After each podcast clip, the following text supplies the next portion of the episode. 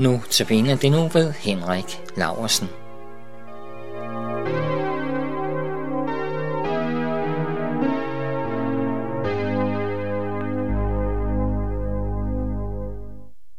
Galaterbrevet kapitel 3 begynder med et råb. Paulus råber, og det er Galaterne 3, vers 1. Uforstandige galatere, hvem har forhekset jer? Jesus Kristus er dog blevet aftegnet for øjnene af jer som den korsfæstede. Det er jo virkelig skrabt. Uforstandige. Forhekset.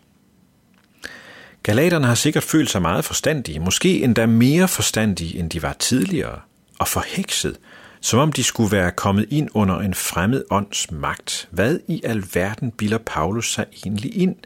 Sådan kunne de godt tænke, og måske har de også gjort det. Men hvad skal vi bruge det til?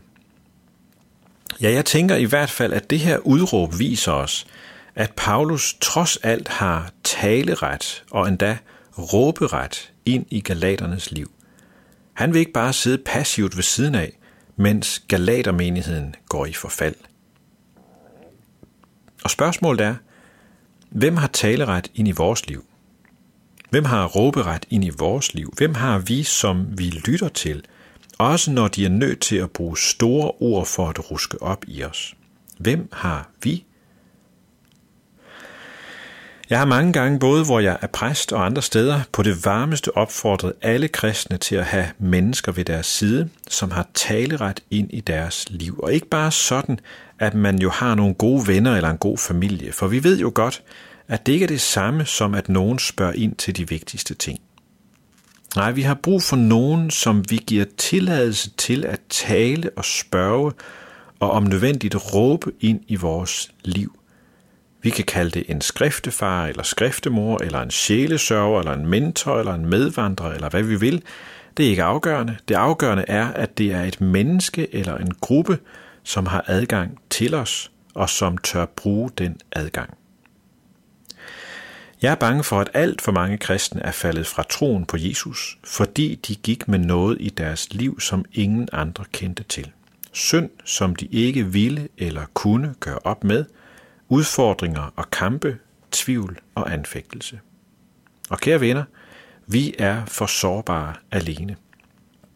Vi skal høre sammen med nogen, nogen som om nødvendigt kan råbe til os og bryde forhekselsen over os, og der findes flere måder at gøre det på, men det afgørende er ikke hvordan, men at det sker.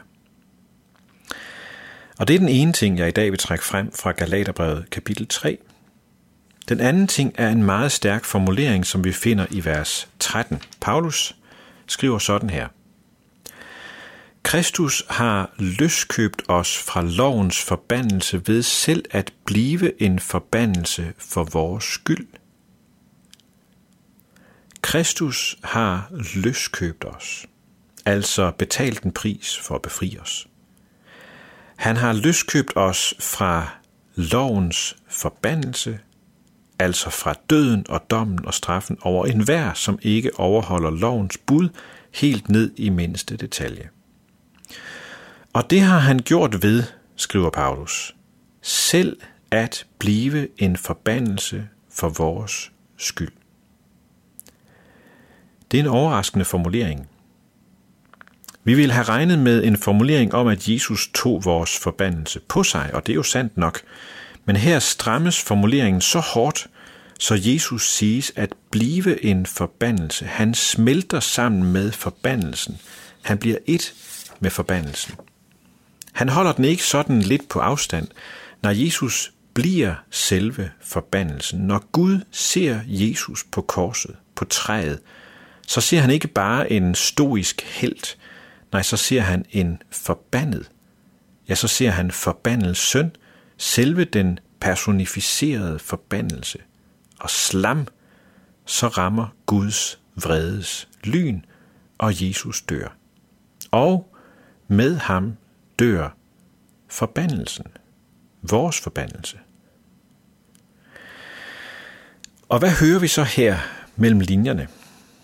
Jo, vi hører øh, en smuk og stærk visken til alle os, som undrende ser Jesu dramatiske død på korset. Og den visken kunne lyde sådan her. Hvis Jesus ikke bare fik forbandelsen klistret på sig, hvis Jesus ikke bare tog forbandelsen på sig, hvis Jesus virkelig blev forbandelsen, hvad siger det så om dig? Om dig, som tror på ham?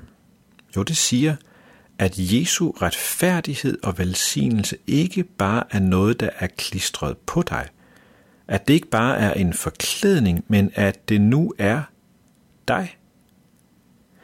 Jesus blev forbandelsen for, at du skulle blive retfærdigheden og velsignelsen. Og når du tror på det, ja, så ser Gud på dig, og så ser han den personificerede retfærdighed, den personificerede velsignelse.